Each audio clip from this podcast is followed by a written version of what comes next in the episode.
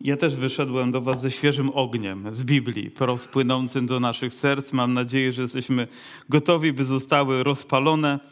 Um, I będziemy kontynuować Księgę Dziejów Apostolskich, dobrą księgę, budującą księgę, zachęcającą księgę, napisaną do takich ludzi jak ja i do takich ludzi jak Wy, po to, żeby nasza wiara mogła być budowana. I kiedyś przeczytałem pewną książkę Dawida Paulsona, który zrobił wstęp do tej księgi i na końcu tej, te, tego opisu napisał coś takiego, że gdyby przyjąć jakąś dłuższą nazwę opisującą tę księgę, powinna ona brzmieć w ten sposób. Dokonania Boga w Jezusie Chrystusie, zrealizowane w mocy Ducha Świętego działającego przez Jego wysłanników. Mam nadzieję, że takie rzeczy nam się podobają, ponieważ myślę, że to jest właśnie obraz tego, co przedstawia księga dziejów apostolskich, dokonania Boga w mocy Ducha Świętego przez ludzi, przez apostołów, przez tych, których On wybrał, posłał. I to dzieło, myślę i jestem przekonany o tym, jest kontynuowane również i dzisiaj przez Kościół w Dąbrowie Górniczej. Przeze mnie i przez Ciebie. Dlatego potrzebujemy, potrzebujemy tej nauki, potrzebujemy inspiracji. Ostatni fragment, który czytaliśmy w niedzielę, mówił o tym, że miejsce, na którym byli apostołowie, zaczęsło się ponownie, zostali napełnieni wszyscy Duchem Świętym, wszyscy Duchem Świętym, ponieważ myślę, że taka jest też potrzeba Kościoła, że nie tylko indywidualnych ludzi, ale wszystkich, każdego Bóg chce wyposażyć w moc wysokości. I to wprowadziło ich do kolejnych wydarzeń, do kolejnych opisów, które mamy miejsce w, dotyczące Kościoła i które też chwytają nasze serce dość mocno i przynajmniej moje. Gdy sobie wyobrażam Kościół, gdy sobie wyobrażam, jak powinien funkcjonować, jaką rolę pełnić, to najczęściej sięgam do dziejów apostolskich. Wy również? Ponieważ tam mamy coś, co pociąga nas tak mocno, wręcz przykuwa nasz wzrok, że nie sposób się od tego oderwać i mówimy: Panie, uczyń to ponownie, uczyń to ponownie wśród nas, uczyń to w moim życiu, uczyń to w Dąbrowie Górniczej przy Łukasińskiego 7, Aleluja. A więc ten opis jest ważny. Jeżeli ktoś z Was szukałby inspiracji i zachęty mówiącej o tym, jak wspólnota powinna wyglądać, to proszę, przeczytajcie ten wiersz kolejny kilka razy, nie tylko raz. Dzisiaj go przeczytamy, omówimy, ale powracajcie do niego, niech on przyświeca waszemu sercu i myślom, a brzmi on oto tak. A u tych wszystkich wierzących było jedno serce i jedna dusza, i nikt z nich nie nazywał swoim tego, co posiadał, ale wszystko mieli wspólne. Co za piękne określenie, a u tych wszystkich wierzących. To słowo definiowało ludzi, którzy mieli wiarę i to nie była wiara nominalna. To nie było tak, że pytasz kogo, czy jesteś wierzący? No tak, jestem wierzącym, ale tak naprawdę nie ma to żadnego znaczenia dla tej osoby. Ja nawet nie kwestionuję tego, że ci ludzie wierzą, że Jezus istniał. Ale czy są gotowi zaufać Mu całym sercem, powierzyć Mu całe swoje życie? Z pewnością Wy też wierzycie, że jestem. Dlaczego? Bo mnie widzicie, bo widzicie, że jestem, ale czy wierzycie we mnie? Czy możecie mi zaufać? Na tyle, na ile mnie znacie, na tyle, na ile ja będę gotowy złożyć takie świadectwo, by, by mi zaufać? Na ile jesteście w stanie powierzyć mi, nie wiem, swoje tajemnice, prośby modlitewne, a może nawet jakieś, jakieś rzeczy dotyczące głębokich sfer waszego życia? To będzie wynikało ode mnie, ale myślę, że gdy chodzi o Jezusa, możemy całkowicie zaufać Mu całym naszym sercem i taki właśnie był Kościół. Wiara ma znaczenie wtedy, kiedy za nim stoi całe serce. Nie część, ale całe serce. I to powinno charakteryzować Kościół. Gdy mówimy wierzący, wierzący, wierzący, wierzący, to musimy dodać wierzący w Pana, ufający Mu, oddany Mu całym swoim sercem, sięgającym wszystkiego, co tylko Boże Słowo nam objawia i wyrażającego całym naszym życiem. Oto, co widzę, gdy czytam, że u tych wszystkich wierzących, u tych, którzy narodzili się na nowo, u tych, którzy przyjęli oczywiście chrzest, zostali napełnieni Duchem Świętym, odwrócili się od starego życia, to byli wierzący wierzący ludzie. I ty, moja siostro, i ty, mój, mój bracie, i ja mamy przywilej tworzyć grupę ludzi, którzy nazywają się wierzącymi. Jakże chciałbym, żeby to słowo nabrało nowego znaczenia, żeby nawet słowo Kościół nabrało nowego znaczenia, tego pierwotnego, które określa nie wszystkich, ale właśnie tę grupę ludzi, która miała odwagę nawet za cenę życia wyrażać, jak wspaniałego mają Boga. Było jedno serce. Myślę, że ta wspólnota ich, którą tworzyli, sięgała poziomu, jakiego świat nie może osiągnąć żadnym sposobem że łączyło ich coś ponadnaturalnego, coś, co sprawiło, że ich usta, ich modlitwy, ich życie zostało tak zespolone dzięki Jezusowi Chrystusowi, że nawet nie wyobrażali sobie życia bez Kościoła. Być może ktoś powie, to przyzwyczajenie. Może nawet to już Twój nauk, ponieważ chodzę za Jezusem dość sporo lat, więc wiemy, że to ma, to ma znaczenie i ile lat się kroczy za Jezusem, ale ja nie wyobrażam sobie życia bez społeczności. Nie wyobrażam sobie życia nawet w niedzielę bez nabożeństwa. Nie wiem, gdyby nie było rano, to mam wrażenie, jakby mnie ktoś z czegoś okradł. Oczywiście mogę jechać na wycieczkę, mogę pójść tam, mogę odwiedzić kogoś, ale nawet gdziekolwiek bym był w jakimś mieście, szukałbym ludzi, z którymi łączy mnie serce. Mogę nawet jechać do rodziny, która według ciała jest mi bliska, ale jeżeli nie byliby ludźmi zrodzonymi z ducha, to szukałbym gdzieś też miejsca, gdzie znajdę ludzi wierzących, aby z nimi uwielbiać Boga. Wy macie podobnie, czy tylko ja zwariowałem?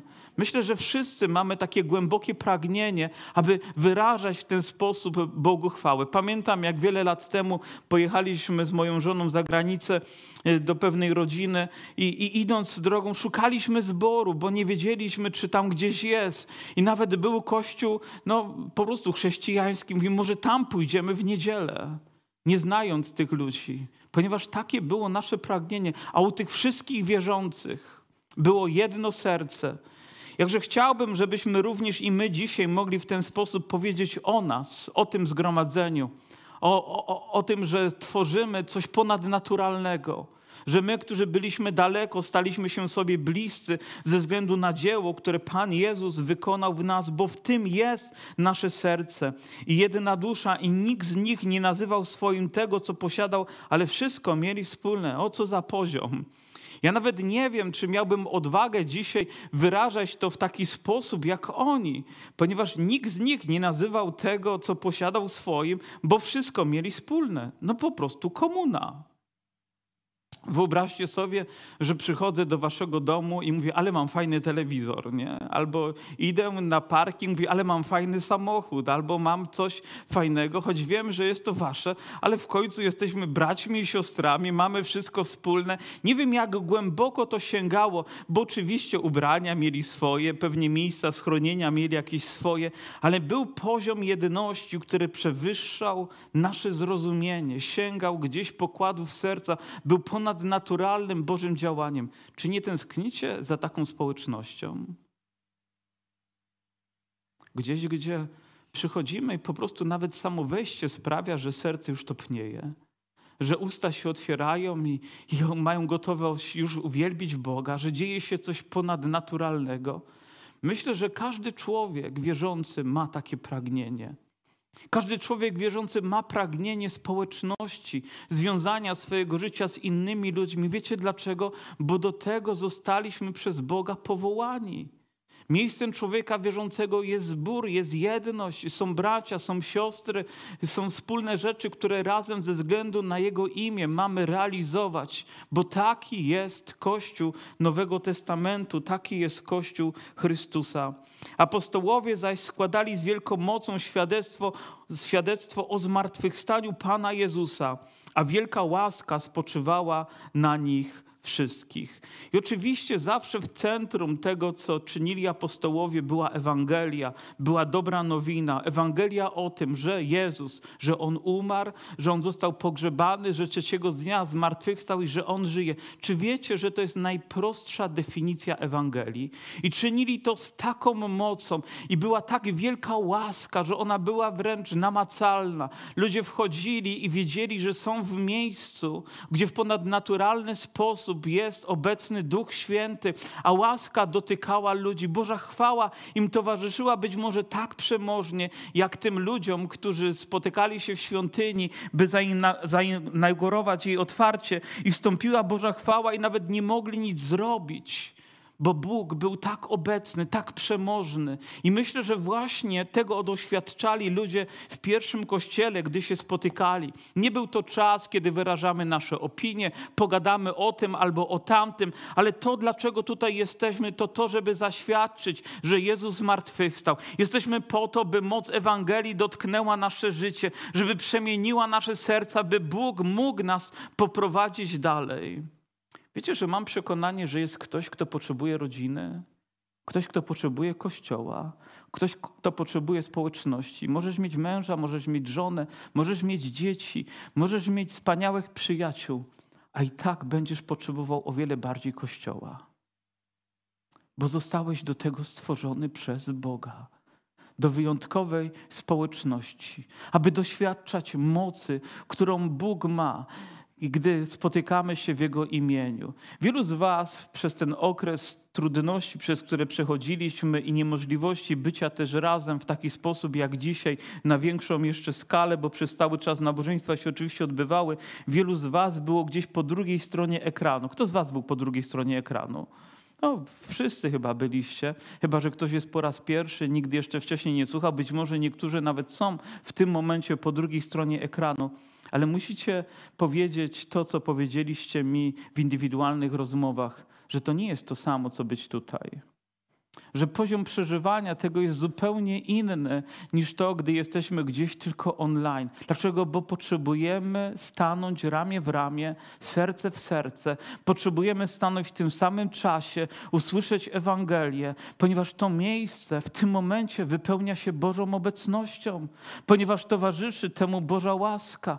Za każdym razem, gdy czytam, że cokolwiek czynimy, mamy czynić w imieniu Pana Jezusa Chrystusa, więc uznaję, że ten czas, który poświęcamy, poświęcamy na społeczność, jest również wyjątkowym czasem, który oddajemy Duchowi Świętemu, by On z wielką mocą działał, by moc zmartwychwstania dotykała naszego życia, by dzisiaj Bóg dokonywał czegoś wyjątkowego we mnie i w Tobie. Apostołowie z wielką mocą i pewnie zgromadzeniu i tam, gdzie było trzeba, składali świadectwo i towarzyszyła im wielka łaska. Nie było też między nimi nikogo, który by cierpiał niedostatek. Ci bowiem, którzy posiadali ziemię albo domy, sprzedając je, przynosili pieniądze uzyskane ze sprzedaży i kładli u stóp apostołów i wydzielano każdemu, ile komu było potrzeba.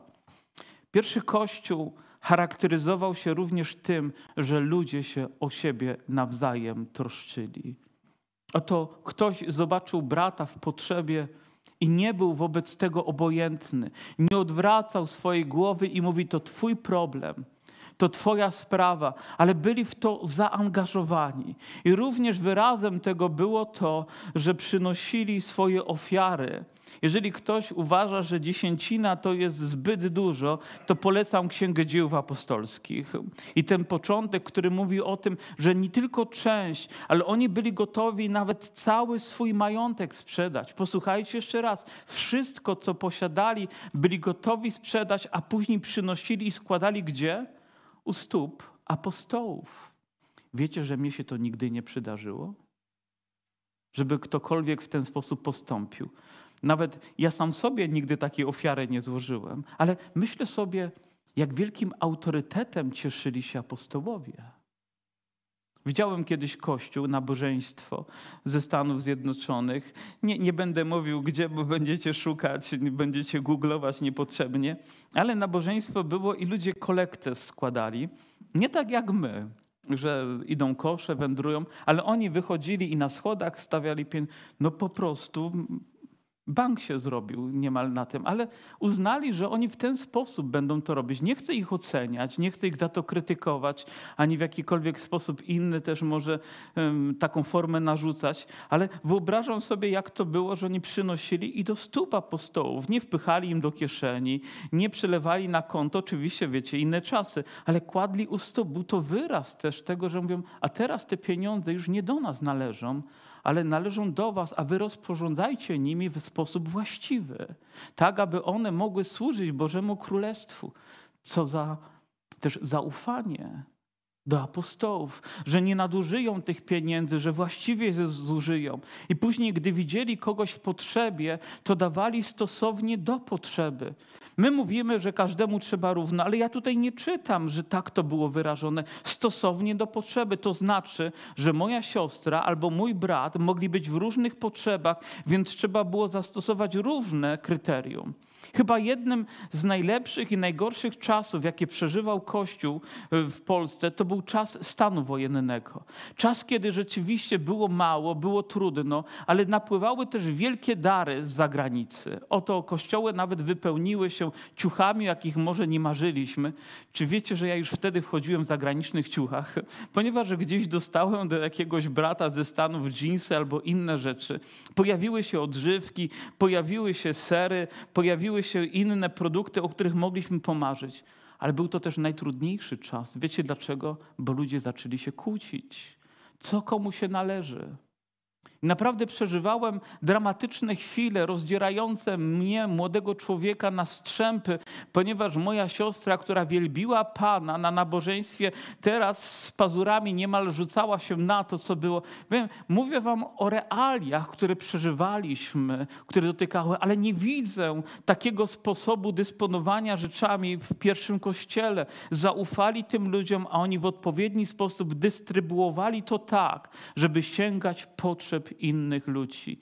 Nie wiem, czy wiecie, że my również w naszym kościele staramy się, żeby jakaś część naszych dochodów zawsze, zawsze szła na to, by wspierać biednych by widząc potrzebę. I nie mówimy tego głośno, temu bratu daliśmy tyle, albo tę siostrę wsparliśmy taką sumą pieniędzy, bo nie chodzi o to, żeby kogoś zawstydzać. Nie chodzi o to, żeby ktoś poczuł się przez to może gorszym, bo znalazł się w potrzebie, ale po to, żeby nie było braku, po to, żeby ktoś mógł się uśmiechnąć, ktoś mógł oddać chwałę Bogu, ktoś mógł zostać wsparty. I wierzę, że w ten sposób my w mądrości powinniśmy za każdym razem podejmować właściwe decyzje, by to, co dobre, mogło być używane dla Boga, a niekoniecznie musiało być powodem, powodem kłótni. Oto nikt z nich nie cierpiał niedostatku. Czy wiecie, że Bóg, kiedy zawarł przymierze z człowiekiem, kiedy pojawiła się tęcza i powiedział, że już więcej nie ześle potopu na ziemię, że ziemia będzie rodzić owoce, które będą w stanie nasycić ludzi, dać im wyżywienie, Powiedział, Bóg nie chciał, żeby był głód na ziemi. Czy wiecie, że nasza ziemia dzisiaj jest w stanie wyprodukować tyle wyżywienia, że nie powinno być ani jednej głodnej osobie na naszej planecie? Ani jednej. To nie jest tak, że Bóg nie dał nam możliwości, tylko tak, że człowiek niewłaściwie tym zarządza. Ale Kościół powinien charakteryzować się mądrością. Kościół nie należy do tego świata. Kościół jest częścią Bożego Królestwa, jest integralną częścią tego, co należy do Jezusa jako króla, a on nie chce, by w jego kościele brat albo siostra szli głodni spać, albo wstawali rano i nie mieli co podać swoim dzieciom do jedzenia. Możemy się o siebie zatroszczyć. I myślę, że takiego kościoła też pragniemy, który troszczy się o siebie. Gdy widzę moją siostrę albo mojego brata w innej potrzebie, będę się modlił o niego. Nie będę omawiać tego z wszystkimi, ale będę się modlić. Nie będzie to sprawą publiczną, ale też osobistą, aby zatroszczyć się o tych, którzy taką potrzebę mają. Oto Kościół który jest nam prezentowany w dziejach apostolskich i który pociąga nasze serce. Pociąga moje serce. Mam nadzieję, że również Twoje że możemy być dla siebie wsparciem i błogosławieństwem. Oni składali u stóp, a Józef, nazwany przez apostoła Barnabą, co się wykłada syn pocieszenia, lewita rodem z Cypru, sprzedał rolę, którą posiadał, przyniósł pieniądze i złożył u stóp apostołów. I tutaj film na chwilę się urywa. Oto pewna wzmianka o pewnym człowieku, który ma na imię Józef, ale apostołowie patrząc na jego mówią, nie będziesz Józef miał na imię, będziesz miał na imię Barnaba tak się zastanawiam, ciekawie jakby, jakby nas nazwali inni, nie ze względu na imię. Ja, ja powiem szczerze, ja nigdy już teraz nie wypowiadam mojego imienia Jarosław. Ciekawe dlaczego. Tylko mówię, ja po prostu Jarek jestem, nie? albo jeżeli mogę, to bym jeszcze inicjały używał, ale, ale gdyby ludzie mieli mi nadać inne imię, Jakby nadali? Ten, który za dużo mówi, ten, który za długo mówi? Albo może jeszcze jakieś inne imię by mi nadali? Jakie imię Tobie by nadali? Ze względu na Twój charakter, ze względu na Twoją postawę, ze względu na twój styl życia. Jego nazwali synem pocieszenia. Ciekawe dlaczego, jak myślicie? Nie mamy wątpliwości, że był człowiekiem, który niósł pociechę innym, który był świadectwem dla innych. Kiedyś spotkałem kaznodzieję, który opowiadał o swojej córce, która wyjechała do Afryki. Powiem, żeby tam no, na misji pracować z pewnym plemieniem, które charakteryzowało się tym, że do piątego roku życia nie nadawali dzieciom imion, dlatego że uznawali, że imię jest zbyt cenne, by nadawać dziecku do piątego roku życia. Po pierwsze, ponieważ, ponieważ była zbyt duża umieralność dzieci. A więc już nie umierała Marysia, Krysia, czy tam Janusz, czy, czy ktokolwiek inny, tylko po prostu dziecko. Tak jakby trochę bezimiennie. Nie wiem, dlaczego na to wpadli, ale też nie byli w stanie określić charakteru dziecka tak żeby nadać mu właściwe imię. I kiedy ona tam służyła wśród nich, gdy wyjeżdżała, oni nadali jej nowe imię. A teraz stanęła przed tym plemieniem, mówią, a teraz już nie będzie twoje imię tam powiedzmy Mary, tylko twoje imię w naszym języku brzmi Boża kobieta. Boża kobieta. Jakże chciałbym, żeby ludzie patrząc na nas, mogli nadawać nam nowe imiona. Ja wiem, że Bóg nadaje nam nowe imię, które jest zapisane i które kiedyś zostanie w sposób szczególny, o, o, szczególnie objawione. Ale nasze świadectwo ma znaczenie, ponieważ ludzie zapamiętają, ponieważ to się utrwali i będziemy o tym pamiętać i będziemy też przywoływać jeszcze nie raz tę postać Nowego Testamentu w dziejach apostolskich, ponieważ będzie dla nas przykładem i świadectwem świadectwem. To ma znaczenie, co robimy. Pamiętam, jak pewnego dnia to było gdzieś w połowie lat 80. byłem na obozie w Ostrudzie, a więc połowa lat 80. to było ho, ho, ho, jeszcze trochę temu. A więc byłem młodym, pięknym i wysokim człowiekiem i zresztą już o tym wiecie, ta teologia jest wam dobrze znana.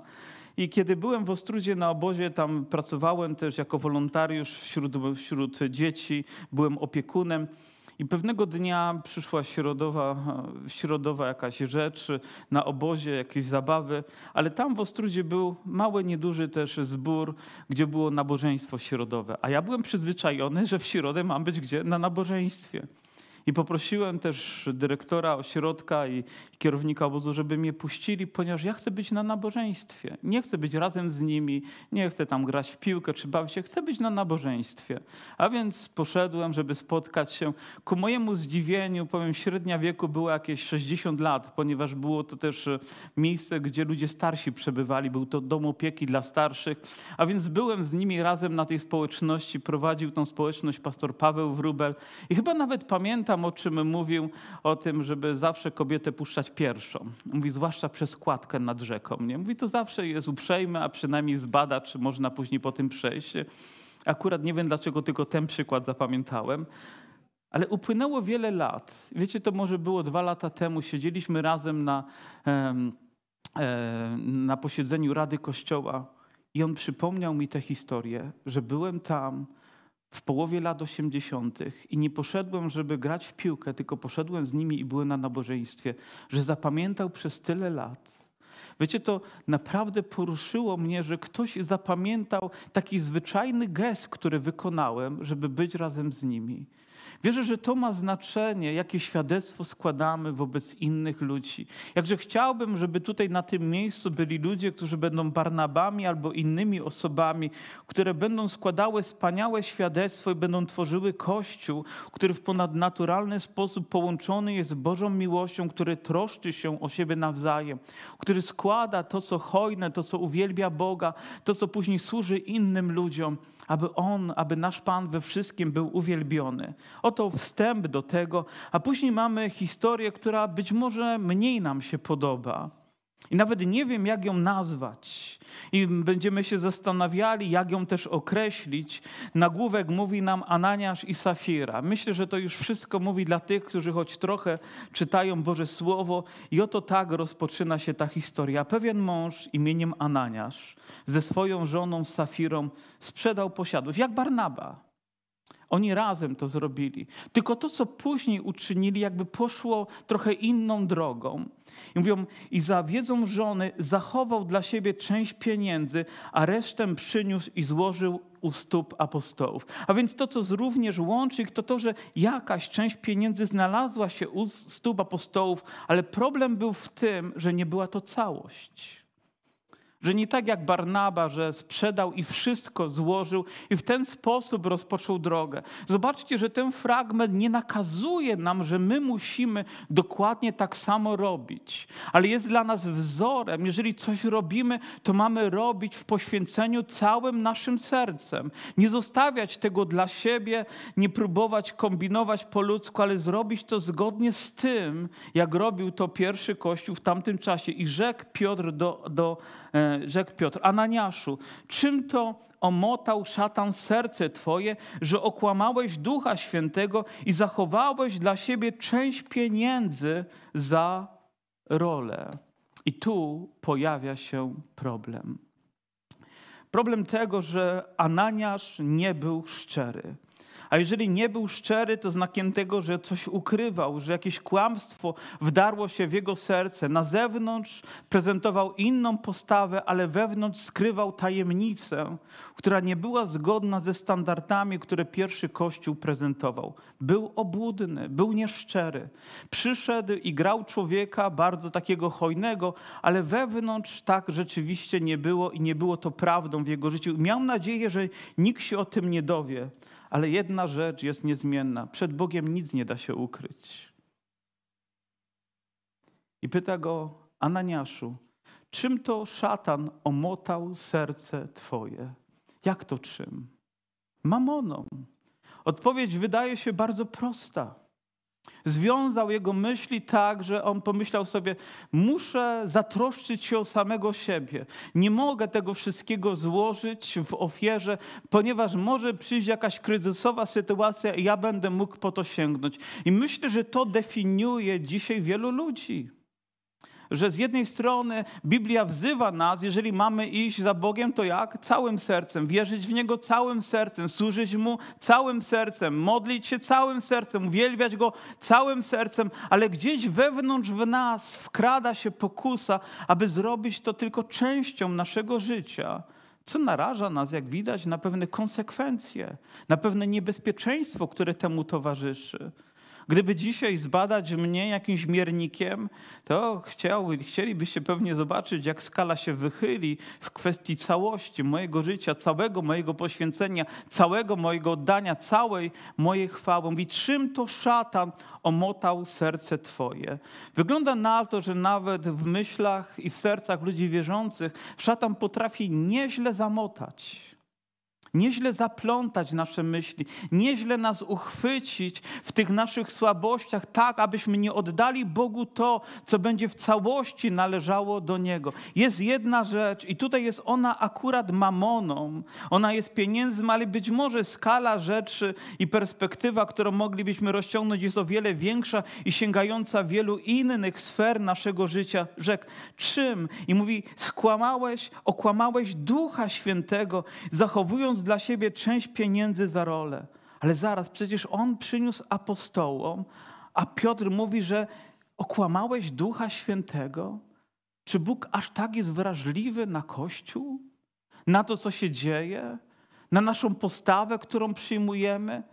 Oczywiście, że możecie oszukać moje oczy, ja mogę oszukać was, ale nikt z nas nie oszuka Ducha Świętego.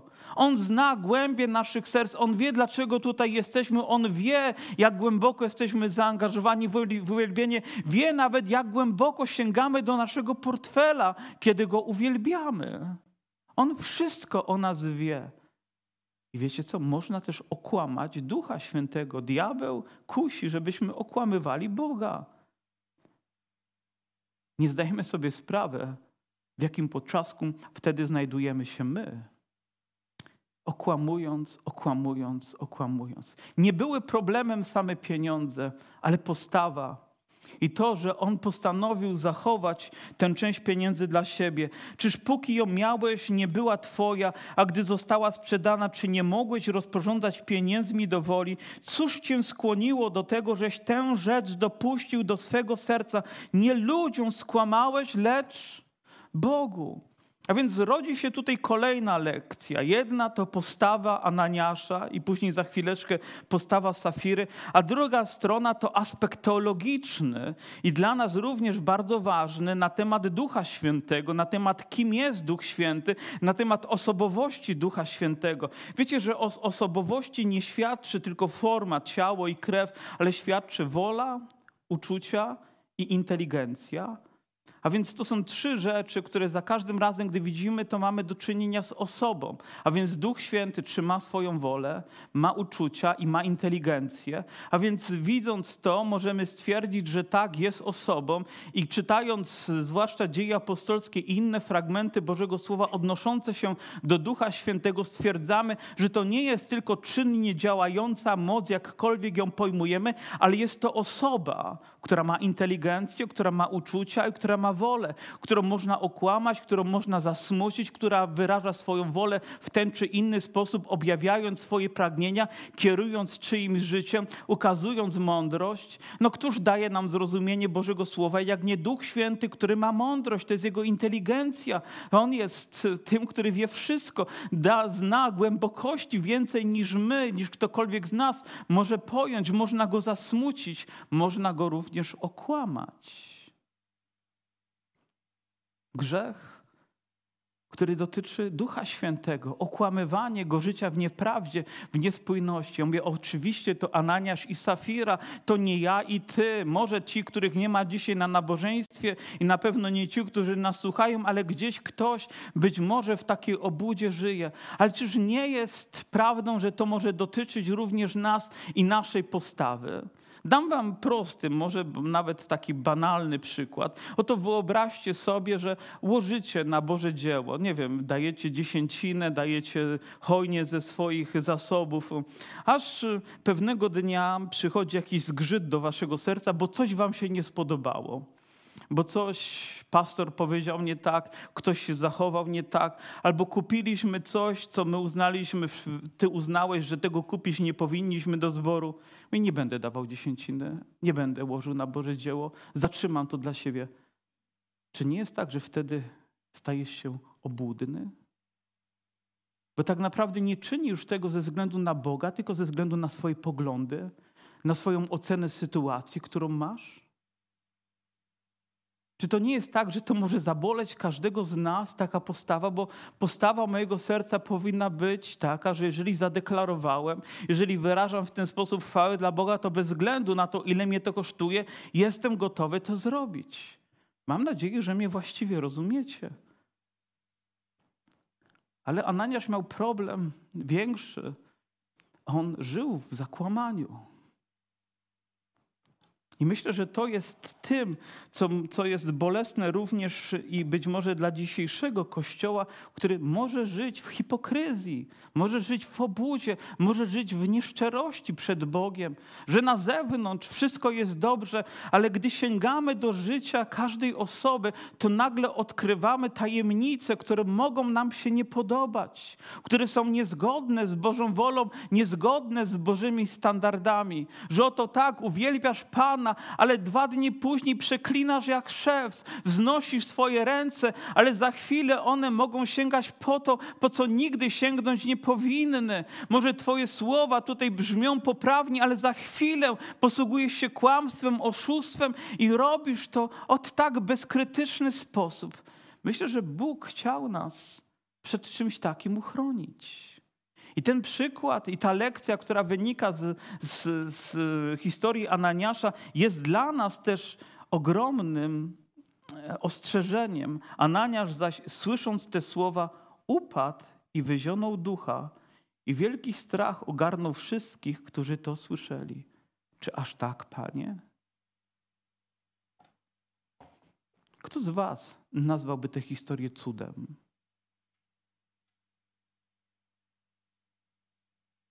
Nie ma ani jednej osoby. Oczywiście, gdyby z martwych został zbudzony, to byłby cud. Ale że padł martwy, to konsekwencja, to znak, to ostrzeżenie. Nie wiem, jak wy nazwa, nazywacie tę historię, ale widzę tutaj coś, co powoduje, że moje serce zaczyna drżeć, gdy dotykam spraw pańskich, gdy przychodzę przed Jego oblicze, gdy zaczynam Go uwielbiać, gdy zaczynam składać ofiary, gdy zaczynam żyć przed, przed Nim i dla Niego.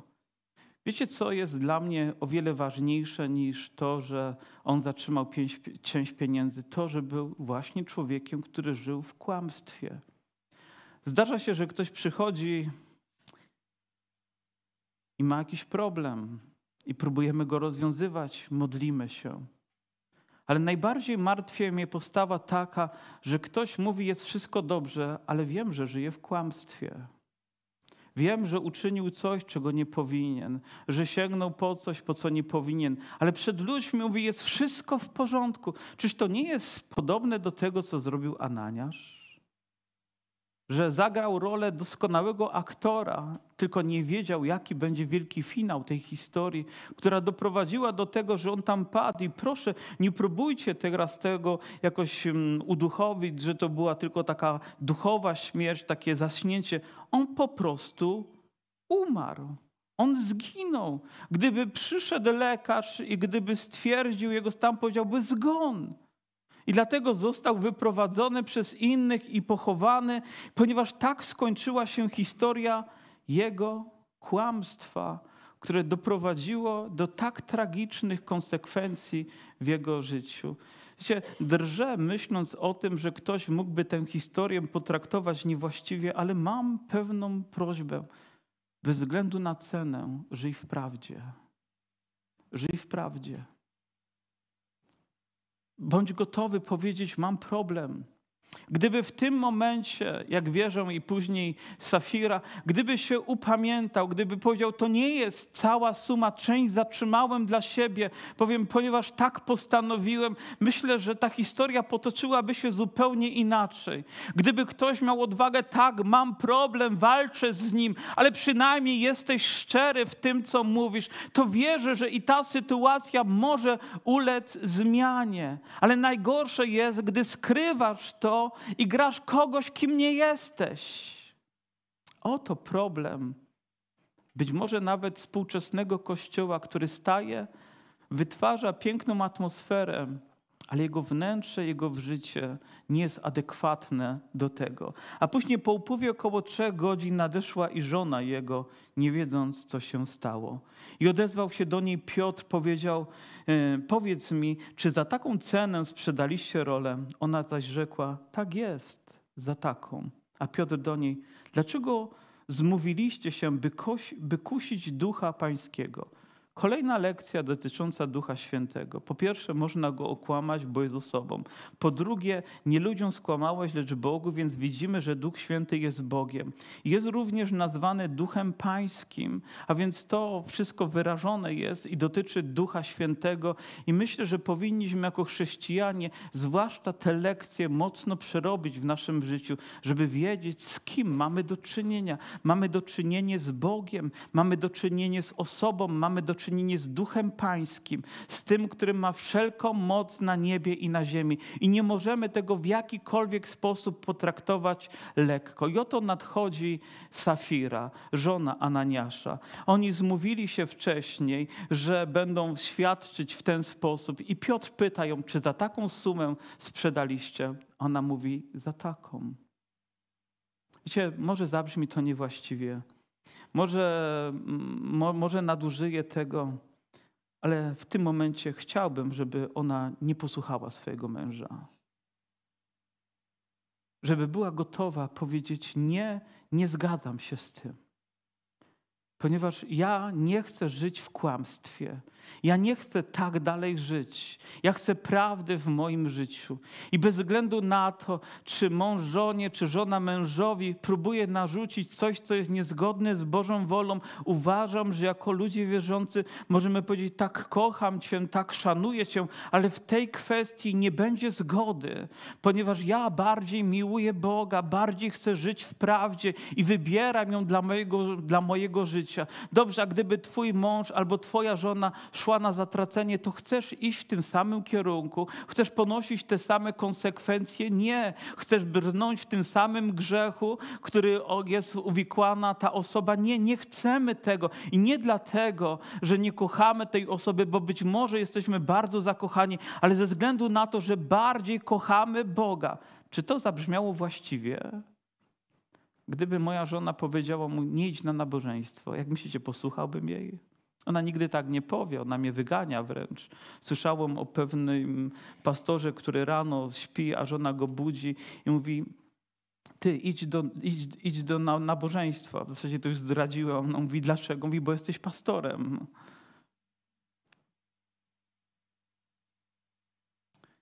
Proszę, słuchajcie Ducha Świętego w swoim życiu. Kiedyś Kazik Barczuk opowiadał, pamiętam pewną historię kobiety, która przyszła do niego i powiedziała, że chciałaby iść za Bogiem, ale mąż jest przeciwny. Mąż się nie zgadza z tym, żeby ona szła za Bogiem. A on mówi, wiesz co? I szantażował ją, że jeżeli ona pójdzie za Bogiem, to on ją zostawi. I wtedy ten brat miał dylemat, co ma odpowiedzieć tej kobiecie. I odpowiedział tak. Ja uważam, że będzie odwrotnie. Jeżeli ty dzisiaj pójdziesz za Bogiem, to jest nadzieja, że mąż będzie razem z tobą. Ale jeżeli ty dzisiaj pójdziesz za mężem, to utracisz jedno i drugie. Niestety ta kobieta poszła tylko za mężem i utraciła to, co najważniejsze w swoim życiu. Pamiętaj, jak ważną rzeczą jest związać swoje życie z człowiekiem, który jest prawy, który chodzi za Bogiem i który zawsze będzie czynił to, co jest prawe w jego oczach. I myślę, że to jest dotyczy i męża, i żony, dotyczy naszych relacji, bo będzie później miał wpływ na nasze życie, ponieważ nie będziemy musieli żyć w obudzie, w zakłamaniu, ponieważ będziemy jedno w tym. Jeżeli uzgodniliście coś, powiem to, uważam, że powinno być to uzgodnione dla chwały Bożej, a jeżeli uczyniliście coś, co jest niezgodne, z Bożymi standardami, to się wycofaj z tego. Powiedz nie, nie ma na to zgody. Jeżeli ty postanowiłeś, to jest twoja sprawa, ja będę dalej z tobą, żadna kobieta nie powinna opuszczać męża ani mąż żony, ale będę szedł za Chrystusem, będę mu wierny, będę mu oddany, ponieważ wiem, jakie mogą ciążyć temu konsekwencje i oto Odpowiedział mm, Piotr do nich, kusiłyliście ducha pańskiego, oto nogi tych, którzy pogrzebali męża Twego są u drzwi i Ciebie wyniosą. I padła zaraz u nóg jego i, wynios, i wyzionęła ducha, a gdy młodzieńcy weszli, znaleźli ją martwą. Oto precyzyjne sformułowanie tego, co znaczy e, wyzionąć ducha. Znaleźli ją martwą, przynieśli i pogrzebali obok jej męża. I wielki strach ogarnął zbór i wszystkich, którzy to słyszeli. Nie, wyobrażam sobie, że mogłoby być inaczej, jak padł cień strachu niemalże na cały zbór z powodu tego, co wydarzyło się w tej społeczności, bo ktoś na ich oczach, albo później usłyszeli o tym, padł martwy. Dlaczego? Bo okłamał Ducha Świętego, bo dał się omotać szatanowi, bo zniszczył swoją relację z Bogiem. Straszna rzecz. Nie chciałbym, żeby w ten sposób zakończyło się nabożeństwo, dlatego pozwólcie, że pójdziemy troszeczkę dalej i przeczytamy fragment, który mam nadzieję nieco nas podniesie na duchu. A przez ręce apostołów działo się wśród ludu wiele znaków i cudów i zgromadzali się wszyscy jednomyślnie w przysiągu Salomonowym i z postronnych jednak nikt nie ośmielał się do nich przyłączyć, ale lud miał ich w wielkim poważaniu. Przybywało też coraz więcej wierzących w Pana, mnóstwo mężczyzn i kobiet. Oto słowo ostrzeżenia, że nikt z postronnych nie był w stanie się do nich przyłączyć, dlatego, bo się bali. Wiecie, co to oznacza? Że w kościele byli wierzący, a nie przypadkowi ludzie Że to nie było tak, że przekroczyli kaplicę, weszli w struktury kościoła i mówią: Jesteśmy. Z całym bagażem naszego starego życia, nie będziemy go zmieniać, po prostu jesteśmy. Nikt z postronnych nie był nazwany tutaj wierzącym. Wierzącymi byli nazwani tylko ci, którzy rzeczywiście uwierzyli, którzy odwrócili się od swoich grzechów, którzy przyjęli chrzest, którzy zostali napełnieni Duchem Świętym. Czy Ananiasz i Safira pokutowali, przyjęli chrzest, zostali przyobleczeni mocą z wysokością i później tak nisko spadli? Wierzę, że oni rzeczywiście mieli dobry początek. Oni nie są nazwani tutaj postronnymi, oni nie byli przypadkowymi ludźmi, oni ich znali, wiedzieli, jakie mają imię, wiedzieli skąd są, wiedzieli może nawet, jaki mają majątek, a mimo to odwrócili się. A więc to również lekcja, że my musimy wytrwać do końca, że musimy być wierni, że musimy czasami zaprzeć się samych siebie i postawić na to, co w naszym życiu jest najważniejsze, bo inaczej gdzieś już wewnątrz nas giniemy, topnieje nasza wiara, nasze serce staje się coraz słabsze, potrzebujemy czegoś, ale nie możemy tego otrzymać, bo żyjemy w zakłamaniu w naszym życiu. Ale gdy staniesz przed Bogiem i zaczniesz żyć w prawdzie, Bóg będzie cię z tego miejsca wyprowadzał. On nie chce, byś zginął, nie chce, by twoje życie się zakończyło w ten sposób. On chce doprowadzić cię do tej wyjątkowej społeczności, jaką możesz być, ale ceną tego jest to, że ty postanawiasz postanawiasz żyć w prawdzie, nie jesteś już postronną osobą, nie jesteś sympatykiem, który od czasu do czasu wskoczy gdzieś na jakieś na nabożeństwo, ale jesteś częścią tego kościoła, żywą i świętą, oddaną Bogu, bo to będzie miało dla ciebie znaczenie. I myślę, że właśnie takiego kościoła Bóg chce. On nie chce postronnych ludzi, on chce wierzących ludzi, on chce oddanych ludzi, on chce gorliwych ludzi, on chce świętych ludzi. A to jest decyzja naszej wiary, by stawać się takimi ludźmi. Wierzę, że Bóg chce dzisiaj do kogoś z Was może mocniej przemówić niż mnie się to wydaje. Tak iż nawet na ulicę wynoszono chorych i kładziono na nosze i łożach, aby przynajmniej cień przechodzącego Piotra mógł paść na któregoś z nich. E, również z okolicznych miast Jerozolimy przychodziło wiele i przynoszono chorych i dręczonych przez duchy nieczyste i wszyscy oni zostali uzdrowieni. Pomyślcie sobie, jak wielka obecność towarzyszyła Kościołowi, jak wielkie namaszczenie towarzyszyło Piotrowi, że tam, gdzie się pojawił, to nie sam cień uzdrawiał, ale to Jezus Chrystus, to Duch Święty, który tam był obecny, dotykał tych ludzi. Ich wiara ich tam przyprowadziła, a Bóg stawiał ich na na nogi, ale to jeszcze nie oznacza, że oni byli zbawieni. Oni byli uzdrowieni po to, żeby teraz pójść za Bogiem, po to, żeby Mu służyć teraz, po to, by wykonywać Jego dzieła. Ale jak wielkie namaszczenie tam było. Kiedyś pamiętam pewną ewangelizację, która odbywała się bodajże w Spodku, albo też na jakiejś na jakimś filmie oglądałem i ewangelista robiąc zaproszenie, zapraszał ludzi, żeby wyszli na środek i tam akurat padało światło, które gdzieś natrafiało na krzyż i więc ten krzyż cieniem się rzucał na środek i on stańcie w tym miejscu. Mówię, to takie ładne, symboliczne było. Stańcie w cieniu krzyża, stańcie w Bożej obecności. To było być może symboliczne, ale dla wielu tych ludzi też było bardzo osobiste. Wiecie, ja dzisiaj chciałbym stanąć w cieniu, w chwale Bożej obecności. Chciałbym stanąć tam, gdzie On jest obecny, gdzie jest Jego działanie. I ono będzie wszędzie tam, gdzie również Ty będziesz. Gdy będziesz chodzić w prawdzie, gdy będziesz chodzić w mocy, gdy będziesz chodzić w autorytecie Bożego Słowa.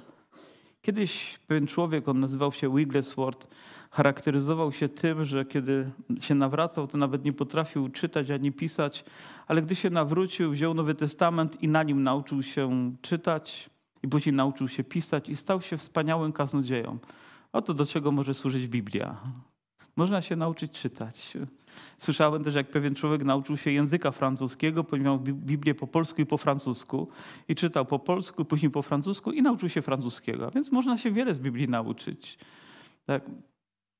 Ale mm, ale żeby nie, nie, nie, nie, zgubić, głównej, zgubić głównej myśli, mm, oto, oto uważam, że powinniśmy chodzić w prawdzie i Boże Słowo powinno nam przyświecać i tam, gdzie my jesteśmy, powinna być tak ogromna Boża obecność i ten brat Wigglesworth, gdy nauczył się chodzić z Bogiem, gdziekolwiek był, Bóg dokonywał niezwykłych rzeczy. Pewnego dnia jechał pociągiem, naprzeciwko niego siedział człowiek i nie rozmawiał z nim, nie mówił mu Ewangelii, nie zwiastował mu Bożego Słowa i w pewnym momencie ten człowiek zaczął krzyczeć, tak, wiem, jestem grzesznikiem, potrzebuję zbawienia.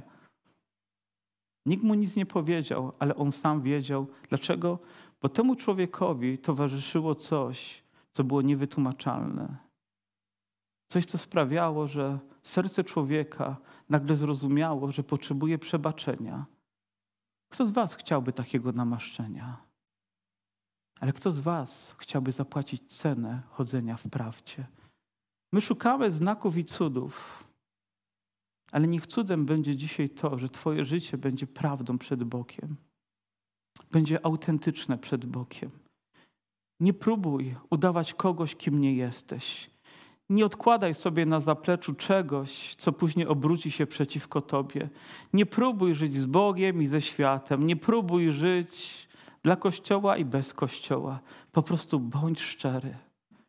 Po prostu bądź szczery a Bóg objawi swoją wielką moc. Wiecie, co mnie martwi? To, że Kościół dzisiaj jest wyśmiewany. Kościół dzisiaj jest wyszydzany. Ludzie śmieją się z naszej wiary. Wiecie dlaczego? Bo widzą obłudę. Bo widzą brak transparentności w naszym życiu. Bo czytają o miłości, ale nie widzą tej miłości w nas. Czytają o przebaczeniu, ale nie widzą przebaczenia w nas. Czytają o wolności, ale nie widzą wolności w nas. Ale gdy to wszystko zobaczą, gdy zobaczą prawdę, która będzie niemal ucieleśniona w naszych sercach i wyrażona naszym życiem, to zobaczą Kościół pełen mocy. Zobaczą, że Ewangelia ma moc poruszyć i przemienić życie każdego człowieka. I nie ma na tej sali, nie ma w tym zgromadzeniu dzisiaj człowieka, którego Bóg nie byłby w stanie swoją mocą podnieść i poprowadzić dalej. Nie ma ani jednej duszy, którą Bóg nie wyciągnąłby nawet z największego piekła otchłani i nie uczynił swoją własnością. Jeżeli ty staniesz przed Jego tronem i powiesz, Panie, potrzebuję Cię, wyciągniesz do Niego swoje ręce, otworzysz przed Nim swoje serce, a On wypełni je mocą swego ducha i poprowadzi Cię dalej. Wierzę, że Bóg tego chciał dla każdego swojego dziecka, ale Ty dzisiaj decydujesz, czy staniesz w prawdzie, czy będziesz ukrywać prawdę, czy będziesz transparentny, czy będziesz miał zasłonę, którą nie będziesz chciał, żeby ktokolwiek przekroczył. Ale Boga nie oszuka. Stań dzisiaj przed Nim i zobaczysz, jak wielkich rzeczy dokona w Twoim życiu dla swojej chwały. Amen.